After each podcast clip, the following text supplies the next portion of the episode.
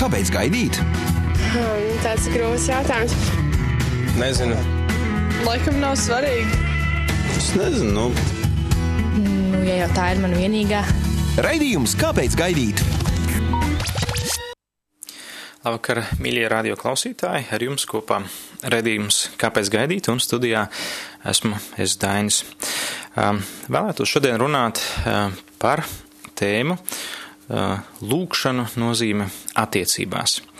Jeb, respektīvi par cik svarīgi ir lūkšana, ja tā tiek kopta starp cilvēkiem, kas ir attiecībās vai nu pāri, vai arī, protams, esot individuāli pastāvot lūkšanās, jo tā ir viena no lietām, kas ir, ko mēs saucam par garīgo disciplīnu. Un ja šajā disciplīnā lūkšanās teiksim, klibo un netiek piekopts, tad visdrīzāk klibo arī garīgā dzīve, kas nozīmē vieglāk ir pakļauties kādiem kārdinājumiem, vieglāk ir aiziet projām no dieva gribas savai dzīvei, gan attiecībās, gan vai nākotnes attiecībās, un tas ir arī indikators mūsu paštaisnībai. Jo lūdz tas, kuram pašam nav, kuram vajag paļāvību, palīdzību no Dieva.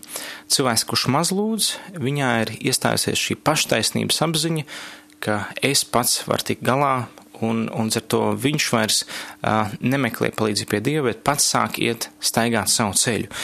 Un uh, līdz ar to tas nozīmē, ka arī pašam ir mazāk spēka, uh, kā saka, pats cenšas sev būt laimes kalējs, uh, bet tas nav tā, kā Dievs ir paredzējis un radījis cilvēku.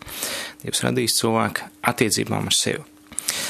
Um, un tāpēc vēlētos arī šodien uh, lasīt vairākas vietas no rakst, rakstiem, kas mudina, kas apstiprina, kas aicina, ja pāris ir attiecībās, vai arī cilvēks ir um, varbūt bez attiecībām, bet cik ļoti svarīgi ir lūkšana dzīve.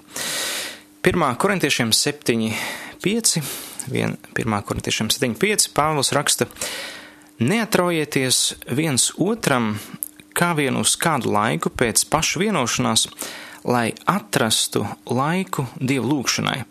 Un tad turieties atkal kopā, lai sātans jūs nekārnātu jūsu nesavaldības dēļ. Tātad atrast laiku dievu lūgšanai.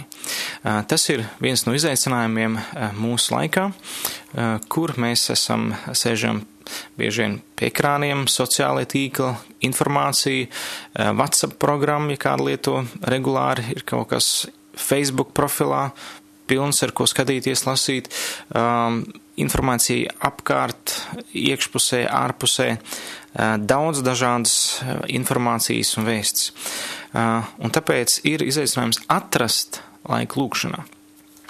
Un Pāvils šeit, protams, kontekstā runā, lai uh, neatraujās vīrs uz sievu savās tuvības, fiziskajās attiecībās, kā izņemot uh, lai atrastu laiku Dievam. Tātad Pāvils saka, ka ir tas svarīgi. Tas ir tik svarīgi, pat ir, ka ir uh, fiziskās attiecības jābūt gataviem nolikt malā, un šī prioritāte laiks lūkšanai ir jāatrod. Un līdz ar to ir svarīgi atrast laiku lūkšanā. Um, arī pirmā vēstulē Timotejam 2.1. Pāvils saka, tad nu es pamācu tevi vispirms turēt lūkšanas, pielūkšanas, aizlūkšanas, pateicības lūkšanas par visiem cilvēkiem. Tātad es tev pamācu vispirms, tātad pirms visa aicinu tev turēt lūkšanas. To viņš raksta Timotejam, bet es domāju, ka noteikti tas attiecās uz ikvienu ticīgu cilvēku, un es domāju, ka tas attiecās arī uz pāriem. Tātad jautājums ir, kas jūsu attiecībās ir pats svarīgākais? Ko jūs darat vispirms? Patiesībā attiecībām pirms pat viņas sākās, vajadzētu sākties ar lūgšanu.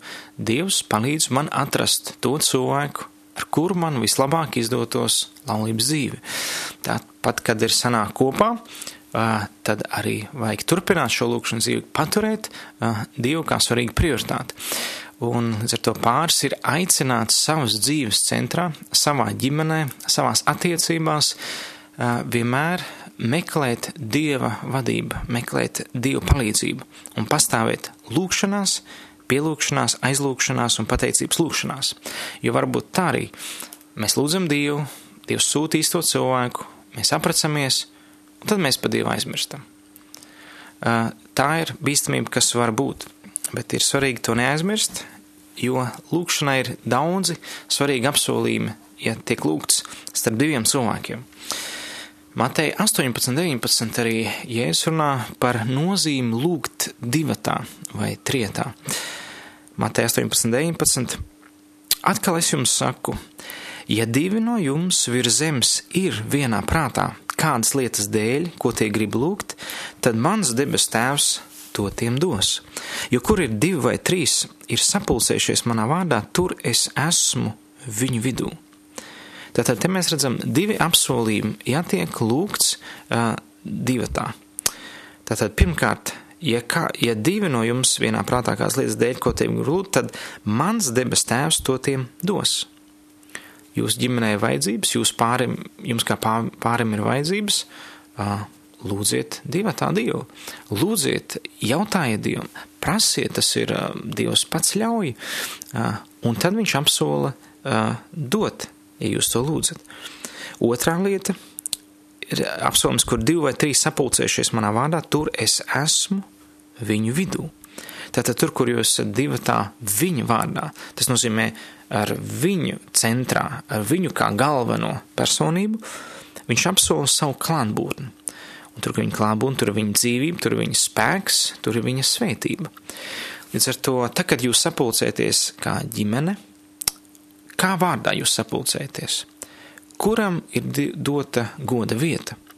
Kam ir dota goda vieta, tas arī uh, ieņem centrālo, uh, teiksim tā, vietu. Ja Dievs nav ģimenes centrā, uh, tad tur ir cilvēciska darbošanās, tur ir Un, kur ir cilvēciska darbošanās, tur vienmēr ir strīdi, tur vienmēr ir nepilnības, tur ir dažāda veida citas lietas. Bet tur, kur ir Dievs, tur ir gara auglis, tur ir mīlestība, miers, prieks, taisnība un, un daudz citas labas lietas. Līdz ar to Tāpēc tik ļoti svarīgi, ka ģimene ir garīgi vienota, un viņi var garīgi vienota tad, ja viņi vēršas pie Dieva lūgšanā. Bez lūgšanas nevar būt Dieva svētības. Taču, lai būtu atbildēts lūgšanas ģimenei, un lai būtu Dieva klātbūtne, tomēr ir uh, nosacījums. Nosacījums ir, kad jūs virs zemes vienā prātā kaut kādas lietas dēļ, ko jūs gribat lūgt. Tad nosacījums ir būt vienā prātā. Šis grieķu vārds ir simfoneo, kas sastāv uh, no sum, kas nozīmē kopā, un foneo nozīmē tonis. Tad varētu teikt tāda vienotība kā kopīga skaņa. Ja? Tad, kad jūs esat vienā prātā, tu lieto šis vārds, kas varētu apzīmēt skanēt kopā, būt harmonijā, vienā akordā, būt vienoti. Ja? Tad, ja kāds kaut ko saprot no akordiem, tad, tad piemēram, uz ģitāras akords var veidoties, piemēram, no divām vai trim um, dažādām skaņām, toņiem, un līdz ar to izveidojas akords, bagātīga skaņa. Līdz ar to tāpat arī vīram ar sievu ir jāskan harmonijā, mierā, abiem viens otram jāpiekrīt. Un tas nozīmē vienotībā gan garā, gan vēselē. Tātad garīgi vienoti, uz viena garīga pamata, un dvēselēs vienoti, vienojušies, ka nav vienam, nav vienam kaut kas pret otru, jo ja viņi neskan, teiksim, tad ir šķīma skaņa. Ja, tad, līdz ar to, ja vīram vai ir kaut kas pret sievu vai sievai pret vīru, tad pirms iet lūgt Dievu vajag izlīdzināties. Līdz ar to tas ir tāds nosacījums, ja gribam, ka mūsu lūgšanas tiek uzklausīts. Un tas ir divi apsolījums, un Dievu pie šī apsolījuma var turēt. Taču tas nenozīmē tikai harmonijā vienam ar otru, bet arī harmonijā ar, ar pašu uh, Dievu. Tātad, tātad vienā prātā ar Dievu un cilvēkiem. Jo Bībele runā mums, kad ir harmonija starp cilvēkiem, bet nav šim pārim harmonija ar Dievu. Jo tieši šis pats vārds ir lietots arī apstuļu uh, darbos, kur ir situācija, kad uh, kāds pāris, Ananija un Safīra, viņi ir vienoti savā starpā. Kādas lietas dēļ virs zemes vienā prātā, bet ne harmonijā Dievu. Viņi uh, tajā laikā draudze pārdeva savus īpašumus un nesa pie apstuļiem, un arī Ananija Safīra vienojās, ka arī viņi pārdos savu lau, lau, lauku un naudu nesīs pie apstuļiem, bet viņi vienojās, ka viņi teica, jā, par šādu maksu mēs pārdevām, taču daļu no šīs maksas paturēja. Tātad, principā, meloja Dievam un, un, un šiem apstuļiem, kas pārstāvēja tajā brīdī Dievu virs zemes. Tad, ka viņi samaloja. Viņi saka, jā, mēs pat tik pārdevām, bet daļu paturējām sev. Principā viņiem bija tiesības, nu, varētu teikt, nu, mēs pusi pārdevām, pusi atnesām, bet uh, liekulība, vēlme izpatikt, uh, būt svētākiem nekā īstenībā ir, man kā arī dažādas lietas varēja būt motivācija, taču kāds bija seks, tātad apstuļu darba 5-9, Pēters sacīja Safīrai, kā, kāpēc jūs savā starpā esat norunājuši kārnātā kunga garu? Ja, savā starpā esat norunājuši, un tur lietos arī šis pats vārds simfoneo. Ja, kārnātā kunga garu redzi, tā to kājas, kas tavu vīru apglabājuši, durvju priekšā iznesīs arī tevi, un tūdaļ tā nokrita pie viņa kājām un nomira. Jaunekļi ienākuši atrada to mirušu, iznes viņu ārā un apglabāja blakus viņas vīram. Tātad šeit kopīga nepaklausība, kopīgs, varētu teikt, dumpis pret Dievu rezultējas fiziskā nāvē. Tas nozīmē, ka noziegums grupā ir bīstams. Tātad, kad ir jau grupā grib kopā grēkot, tas jau ir bīstami. Un tad mēs padomājam, vai nav tā, ka daudz pāri vienojās kopā grēkot pret Dievu. Mēs redzam, kā, kā tas var notikt. Nu, tad, kad, piemēram, ja Bībele saka, ka intīmas attiecības ir uh, paredzētas laulībā, tad viņas ir svētas, tad intīmas attiecības ārpus laulībām ir grēks. Tātad pāris principā ir kā Ananija un Safīra, tikai ar to atšķirību, ka viņi varbūt nepiedzīvo uzreiz fizisku nāvi, bet viņi piedzīvo garīgu nāvi. Viņi piedzīvo garīgu nāvi savās attiecībās, savās attiecībās ar Dievu. Mēs jau varam teikt, bet laiki ir mainījušies. Laiki mainījušies, bet Dieva vārds Nē, Dieva vārds paliek tāds, kāds viņš ir. Līdz ar to šāds egoisms, kad mēs zinām labāk par Dievu, rezultējas garīgā nāvē. Jo mēs zinām pirmo pāri, kurš kopā vienojās, bija vienā prātā, lai nepaklausītu Dievam. Ādams un Ieva, un sekas piedzīvo visa uh, cilvēks. Uh, tas nozīmē, nepietiek tikai būt vienotiem vienā prātā.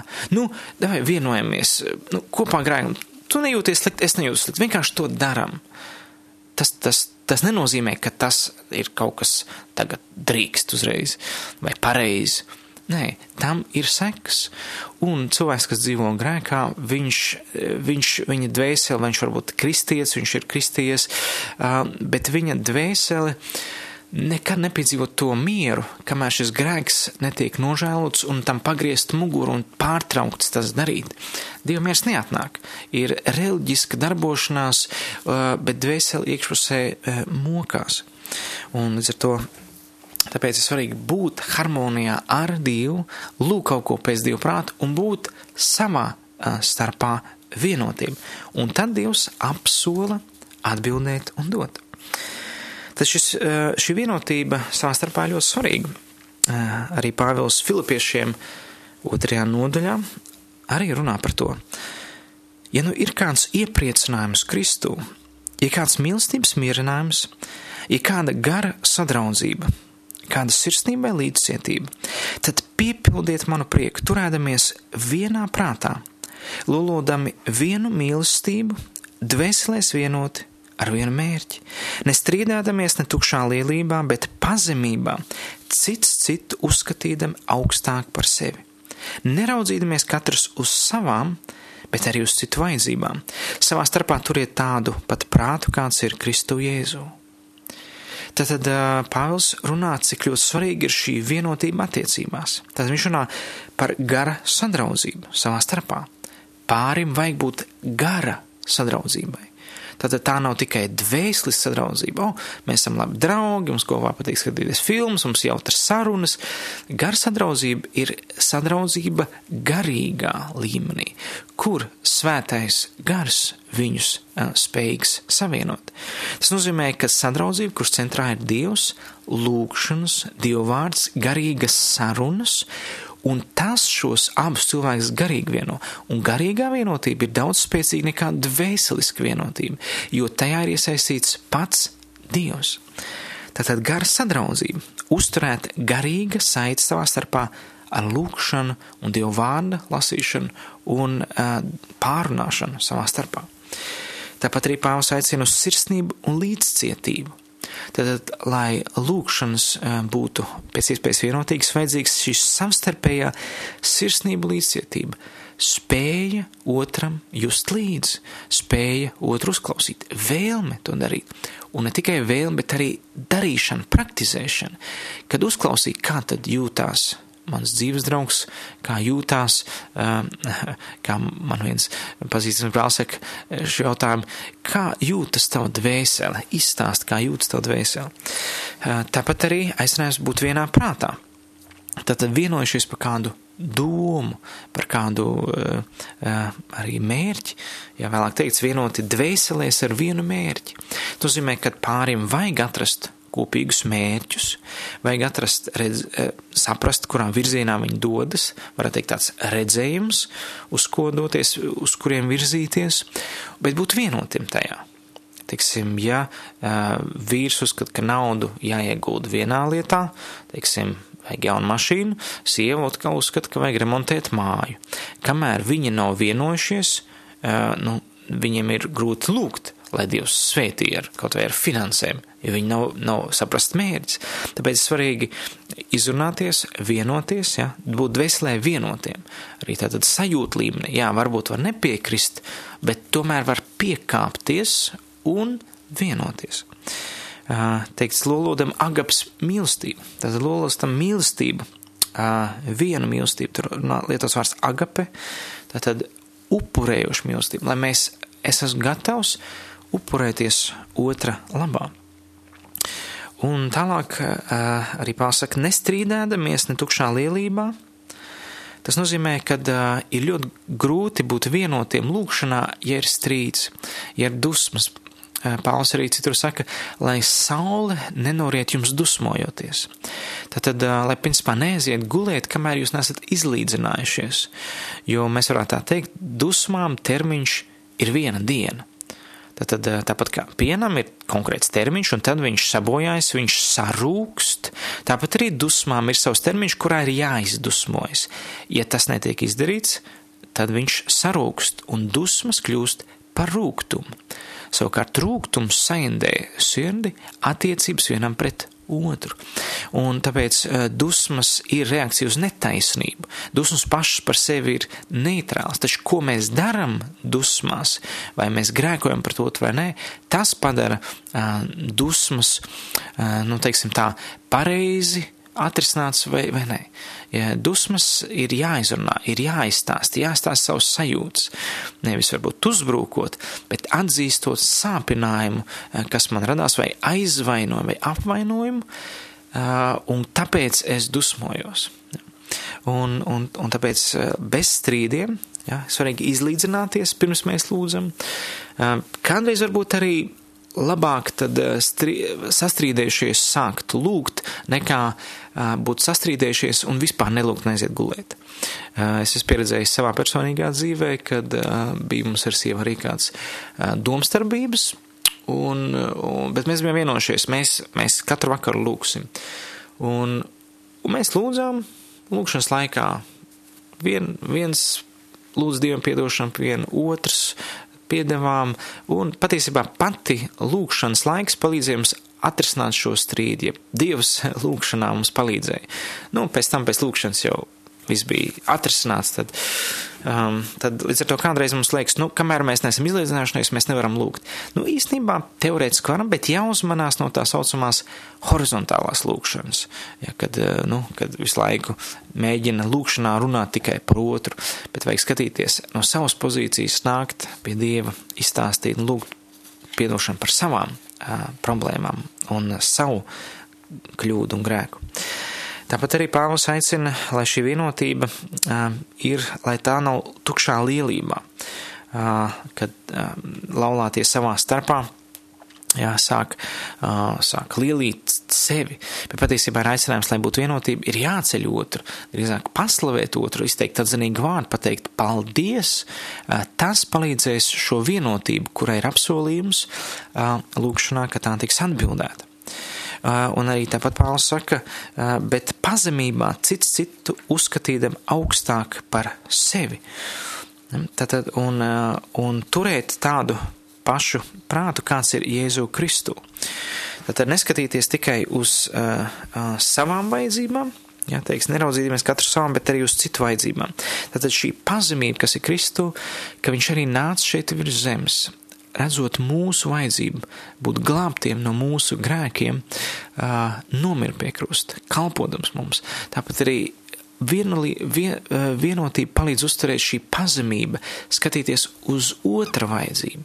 Jo egoisms visu laiku prasa skatīties uz sevi, a mani, kas mīlēs, a mani, kurš sapratīs, a mani, kurš palīdzēs. Tas man, man, man, Tas, tas ir tas, kas, kas roku dziļāku, dziļāku bedri attiecībās ar otru. Iedomājieties, ka divi cilvēki stāv viens otram blakus, viens saka, aman, aman, un viņš ierok sevi dziļāk, dziļāk, dziļāk bedrē, ko otru vairs neredz. Otrs tur ārā ir un, un gaida, bet tas jau ir ieracies dziļi, un jābi roka, man, aman, aman, aman, tā bija tādā bedrē, ka tur starp viņiem ir siena. Līdz ar to, jo mazāk man, jo labāk uh, var būt vienotība.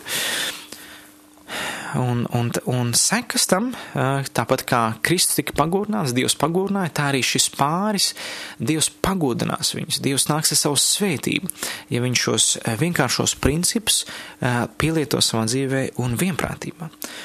Līdz ar to, uh, vai jūs mācāties uzturēt vienprātību?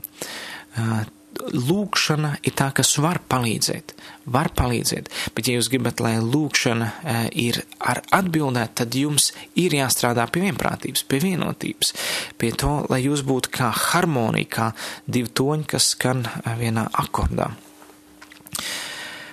Un arī mūsu attieksme pret laulāto draugu var būt šķērslis mūsu lūgšanā. Tad Bībele tomēr visu laiku aicina, aicina būt uzmanīgam, kā mēs izturamies pret otru cilvēku. Piemēram, 1. pētera 3.7 ir teikts, tāpat vīri sadzīvojiet prātīgi ar sievu, kā ar vājāko radījumu. Godājiet viņas kā tādas, kas ir žēlastībā dotās dzīvības līdzmantanieces, lai jūsu lūkšanas netaptu traucētas. Tātad lūkšanas var tapt traucētas dažādos veidos, kad esam darījuši pāris savas, jo nesam, nesam godājuši savu dzīves draugu. Tātad svētais gars vienmēr ir gars, kas grib vienot. Un, ja esmu darījis kādam pāri, otram, īpaši savam dzīves draugam, ko, kurš, ar kuru esmu derības attiecībās. Attiecībās uz mūžu, kur es esmu devis solījumu mīlēt viņu visu mūžu. Tad derības attiecības ir juridiski tātad noslēgts attiecības ar apsolījumu mīlēt otru visos apstākļos.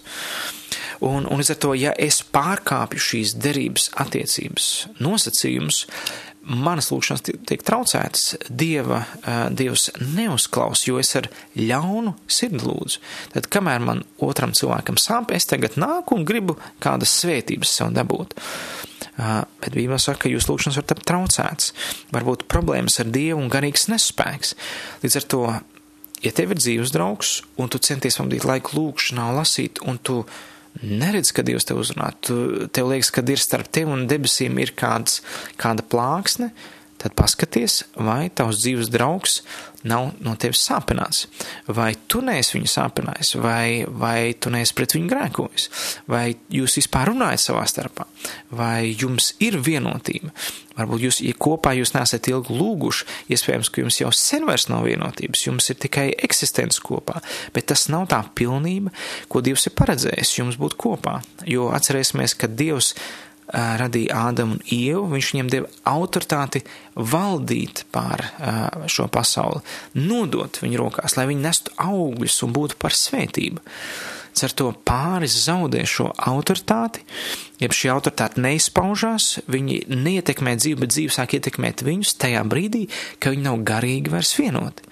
Līdz ar to es aicinu, ja jūs esat tāds pāris, kas esat atstājuši lūkšanu, kopīgo lūkšanu laiku, tad atjaunot to, jo jūs, jūs un jūsu ģimene iespējams no tā cieš. Jūs nesat garīgi vienoti, jūs nesat vienā prātā, jūs nesat sapulcējušies viņu vārdā, jūs sapulcējaties savā vārdā un tad strīdaties, kuram ir taisnība. Dievvvārds nesola teiksim, atbildēs lūkšanas šāda veida sapulcēšanās un šāda veida kristīgai garīgai dzīvei. Ir garīgai dzīvei arī nosacījumi, lai uh, tiktu atbildēts mūsu lūkšanas. Tāpēc ļoti svarīga šī garīgā vienotība, kuras centrā ir Dievs. Piemēram, arī Salmons mācītājs 4. nodaļā 12. pantā saka, un ja kāds var vienu pārvarēt, tad divi taču var tam pretī stāties, un trīskārtēji auglu nevar tik drīz pāraut. Tad, kad ir divi vienoti kopā, tad viņi var stāties pretī kādam ienaidniekam. Taču trīskārtēju auklu nevar tik drīz pāraut.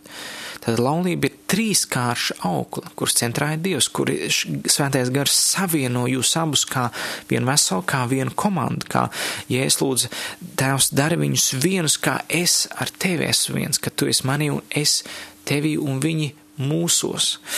Ja? Un, un mēs viņos. Līdz ar to šī trīskārša aukla, un jums ir garīga vienotība, jums Dievs jūs vadīs un lietos šeit virs zemes.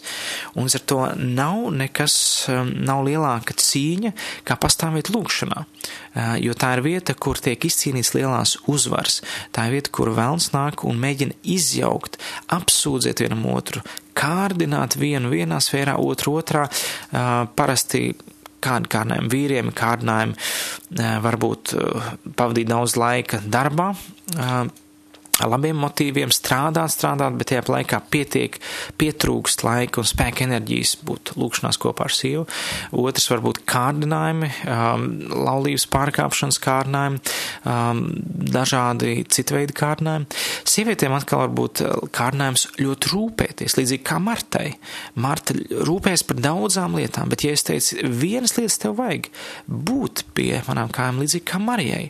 Un ar to sievietēm ir tendence par visu rūpēt rūpēties, rūpes, raizes, un Bībele saka, ka eh, tieši šīs pasaules rūpes nomāc eh, vārdu, nomāc Dieva vārdu, to, ko viņš vēlas mums teikt. Līdz ar to sievietes nerūpēties ne par ko daudz vairāk kā par jūsu attiecībām ar Dievu un garīgo attiecībām ar vīru.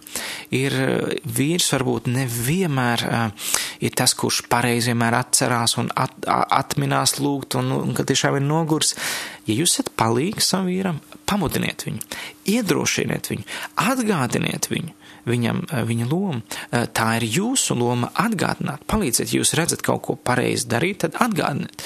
Es zinu, ka jums vienmēr vēlme, kad vīrs uzņems atbildību. Jā, viņš uzņemsies, bet eh, jūs varat palīdzēt viņam uzņemties atbildību pareizi. Līdz ar to dariet savu darbu. Jā, dariet savu darbu, esiet palīgs, un jo vairāk būsiet atgādinājuši, tad vīrietim jau tas būs iegājies, ka viņš jau pats sāks prasīt, jo viņam vienkārši apniks jūsu čīkstēšana. Līdz ar to viņš noteikti sāks uzņemties atbildību, jo piedzīvojot kopīgi garīgas lūkšanas vienotībā, tas vienmēr atstāja pozitīvu iespaidu un, lie, un lietas, kas mums atstāja pozitīvu iespaidu, mums ir dabīgi tās atkārtot. Mūsu smadzenes tā ir veidotas, ka patīkams lietas mēs vēlamies atkārtot. Un ar to, ja lūkšana ir nesusi svētīgus augļus, tad mūsu smadzenes gribēs to atkārtot. Tāpat arī uh, ir svarīgi apzināties, īpaši, ja pāris un laulātis pāris ir vecāki vai būs vecāki, ka viņiem ir autoritāte pār bērniem. Tātad garīga autoritāte. Uh, tas nozīmē, ka tas, cik vienoti garīgi ir vecāki, cik viņi paši garīgi spēcīgi, cik viņiem pats lūkšana laiks ir, um, teiksim tā, praktizēts, tik ļoti iespējams arī bērni var tikt ietekmēti. Nu, varētu teikt tā, ka vecāki ir kā tāds garīgais, ja viņu garīgais spēks ir kā tāds, nu, garīgs ozonu slānis, un ja trūks lūkšanu un ir grēks viena vai otra laulātā drauga dzīvē vai abu dzīvē, tad tas ir kā caurums pār bērniem, kur var ienākt garīga nesveitība, tumsa, ļaunā uzbrukumi, dažādas citas lietas. Tātad tur ir mēs varam domāt. Tas ir kā tāda līdzība, ko man liekas, ka apmēram tas tā arī strādā. Jo lūkšanas tomēr ir lūkšana dievam apsargāt, un, un šī garīgā cīņa ir nemetīga. Viņa visu laiku nav tā, ka mēs tagad izlūdzām par savu, aizlūdzām par savu bērniņu, kristījām vai svētījām viņu, un, un tagad visu dzīvi es varu, nu, tagad lai Dievs dara visu. Bet tomēr ir, ir, ir jā, tas ir ļoti svarīgi Jā, Dievs savu daļu darīs, bet tomēr mēs esam aicināti cīnīties labo ticības cīņu, garīgo ticības cīņu. Un tāpēc arī vecākiem ne tikai vajag lūgt Dievu vadības svētības, bet iemācīties garīgi kopā cīnīties. Uh, pa garīgo cīņu mēs varam lasīt Efeziešiem 6. nodaļā no 10. panta, kur arī teiks, beidzot, topiet stipri savā kungā un viņa varnajā spēkā bruņojieties ar visiem dievu ieročiem, lai jūs varētu pretī stāties vēlna viltībā. Jo ne pret miesu un asinīm mums jācīnās, bet pret valdībām un varām, šīs tumsības pasaules valdniekiem un pret ļauniem gariem pasaules telpā. Tātad notiek kāda konkrēta garīga cīņa. Jā, fiziskā cīņa varbūt mums nav, mums ir miers, bet garīgā cīņa notiek, jo šis garīgais pretinieks, sātans, dieva pretinieks vēlas cīnīties pret ikvienu dievišķu kārtību. Tātad dievišķa kārtība ģimenē ir kāda? Dievs, vīrs, sieva un bērni. Tātad um, grib šo mazo draudzes daļiņu, šo šūnu, varētu teikt, uh, sagraut. Jo tā ir vieta, kur apsolījums, ka Dievs būs viņu vidū, ja viņi ir kopā sapulcējušies viņa vārdā. Un tāpēc vēlns cenšas izjaukt, teiksim, šos, šo vienotību un salauzt. Un tāpēc jāiztais cīņā, jālūdz sievām par vīriem, vīriem par sievām, vecākiem par bērniem. Tas ir, tas ir tik ļoti, ļoti svarīgi. Un, un arī 18. pantā ir teikts, ar visām lūgšanām, lūgumiem lūdziet Dievu garā ik brīdi. Ik brīdi. Tad, ja, ja viss būtu atkarīgs tikai no Dieva, tad kāpēc mums svētie raksti mudina lūgt Dievu garā ik brīdi? Tas nozīmē, ka vēlns uz, uzbruk nemitīgi. Mums jābūt vienmēr šajā lūgšanu stāvokļa, lūgšanu garā, tādā, tādā lūgšanu iekšējā sarunā ar Dievu nemitīgi. Un tas, tas uh, ir uh, daļa no tā, ka, ka tā kā gatavam turēt ieroci, ja jāšauj, tad var šaut. Un jo vairāk cilvēks ir staigā kopā sarunās ar Dievu, jo vairāk parādās viņam informācija no svētā gara, kas notiek. Uh, to var saukt par sievietēm varbūt tas ir jūtīgāk, šī intuīcija attīstās vairāk saskaņā ar, ar, ar Dievu patiesību. Varētu teikt, kā tāds nu, pravietisks, gandrīz palīdzības faktors, kā Bībele saka, ja, lai mēs cenšamies pravietot saprast, ko Dievs grib, saprast Dievu gribu, jā, nojaust, apjaust. Ir vairākas liecības, kas dzirdējis, kad māts pēkšņi pamostās naktī un sajūt, ka ir jālūdz par savu bērnu. Un izrādās, ka viņam tajā brīdī ir, ir, ir, ir kāds uzbrukums vai viņš ir kādā grēkā kritis un, un, un vajag apsardzību par viņu. Līdz ar to vecāku lūkšanas ir kā tāds kupols, kas var pasargāt bērnu. Pat, ja viņš iet neceļos, pat, ja viņš iet grēkā, mm, principā vecāku lūkšanas var viņu pasargāt no uh, pilnīgas sagrāvas. Un, un līdz ar to Iespējams, ka daudzi uh, cilvēki ir nākuši pie Dieva tieši pateicoties vecāku lūgšanām, uh, ka viņi saprot, ka viņi paši gāja pretējā virzienā, bet kaut kāds spēks viņus turēja, un iespējams tās ir vecāku lūgšanas. Praktiski ieteikumi. Tad, ja jūs esat pāris, jūs gribat būt garīgi svētība, būt tiem, kurus Dievs lieto šeit virs zemes, jūs gribat, lai jūsu bērni laimīgi, priecīgi, tiek pasargāti nevajadzīgām attiecībām, neveiksmēm, jūs gribat Dievu vadību jūsu dzīvē un, varētu teikt, viņa abrīnījumu palīdzību. Praktiski ieteikumi. Pirmais - sāciet lūgt sāciet praktizēt lūgšanu. Sāciet jau šodien lūgt. Ja jūs tagad esat kopā, sāciet pēc raidījuma lūgt. Kaut vai vienu mazu lūgšanu, bet sāciet lūgt.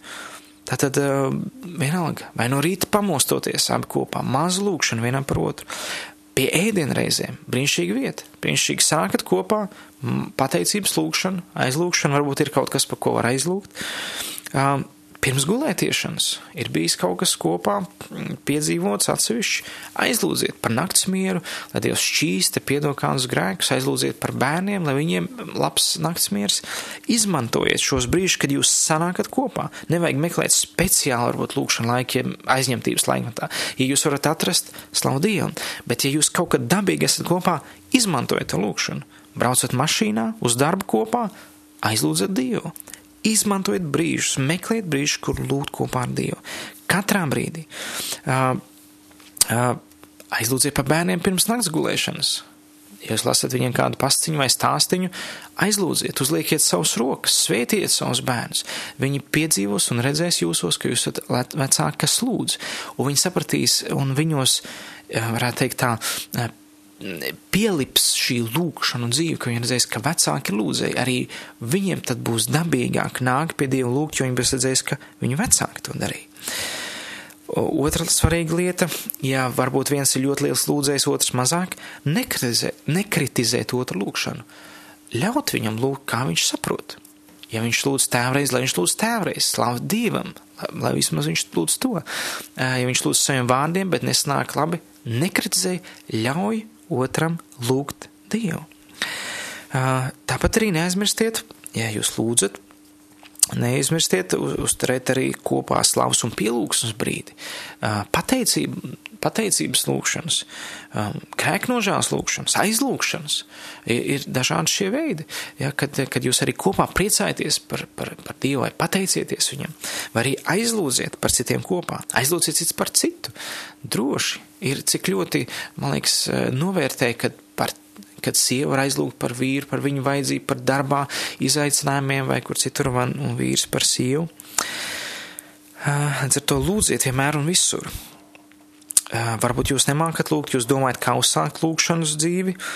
Nu, varbūt ir kāda papildus resursa, kas jums ir jāizmanto. Nu, piemēram, tāds portāls vīriem.lv, vīriem, tātad ar mazo i, vīriem.lv ir dots izaicinājums 30 dienu lūgšanas izaicinājums pāriem kur ir katrai dienai maz tāds tekstīņš, pārdomas, pat ieteikt lūgšanu, ko jūs varat lūgt. Katru dienu atveriet, izlasiet šo izaicinājumu un kopā lūdziet, praktizējiet lūgšanu. Ir arī cits, teiksim, grāmatnīcā, kristīgā grāmatnīcā Amnis, Latvijas ielā 37 ir arī izdota grāmata Vecāku lūgšanas spēks, kur ir katrai nedēļai konkrēta tēma, kur jūs varat pārnāt jautājumus, raksturvietas kopā izlasīt, un šo nedēļu pārnāt šo tēmu un praktizēt uzreiz lūgšanu. Lūgt par lietām. Ir daudz dažādu pieejamu resursi, bet uh, tas, ko es gribētu atgādināt, ja jūs esat pāris, jūs esat īpaši laulās pāris, lūgšanai vispirms jābūt jūsu dzīvē. Tas jums nodrošinās garīgu vienotību, Tas jūs tuvinās, stiprinās vienam, viens otram, tas jums dos apsardzību jums un jūsu bērniem un svētību. Svētību un palīdzību, ka tās lietas, ko jūs darat, vai nu darbā, vai ikdienas dzīvē, kad jūs iesaistat Dievu, un Dievs nāks un jūs svētīs un atbildēs uz uh, jūsu uh, lūgšanām. Un, uh, un lai Dievs palīdz. Un es vēlos, kad mēs varam uzreiz nākt un praktizēt lūgšanu.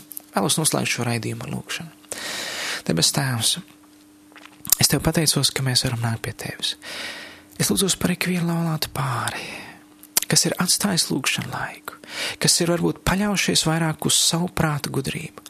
Tēvs, vilc viņus vēl apakaļ, lai viņi var atsākt lūgt kopā Tevi. Un paldies Tev, Kungs, ka Tu viņus aicini un ka Tu esi devis viņiem šo piedāvājumu meklēt tavu vajag, lūgt vienprātībā, lai tu vari būt viņu vidū un viņus vadīt un svētīt. Palīdz, kungs, ikvienam atjaunot, kungs, šīs attiecības, un ja kāds kungs pāris ir kritis grēkā, ļauj to nožēlot, aicina kungs nožēlot un sākt dzīvot dzīvi pēc tavu vārda, lai viņu lūgšanas netaptu traucēts. Svētī un palīdz to tēvs. To visu tēvs es lūdzos. Tavu dēlu Jēzus Kristus vārdā. Āmen! Šis bija raidījums Kāpēc gaidīt? Klausies to katru otrdienu, pulksten 18,5 minūtēs Latvijas kristīgā radio ēterā vai arī jebkurā tevērtā laikā internetā www.īsta mīlestība gaida LV.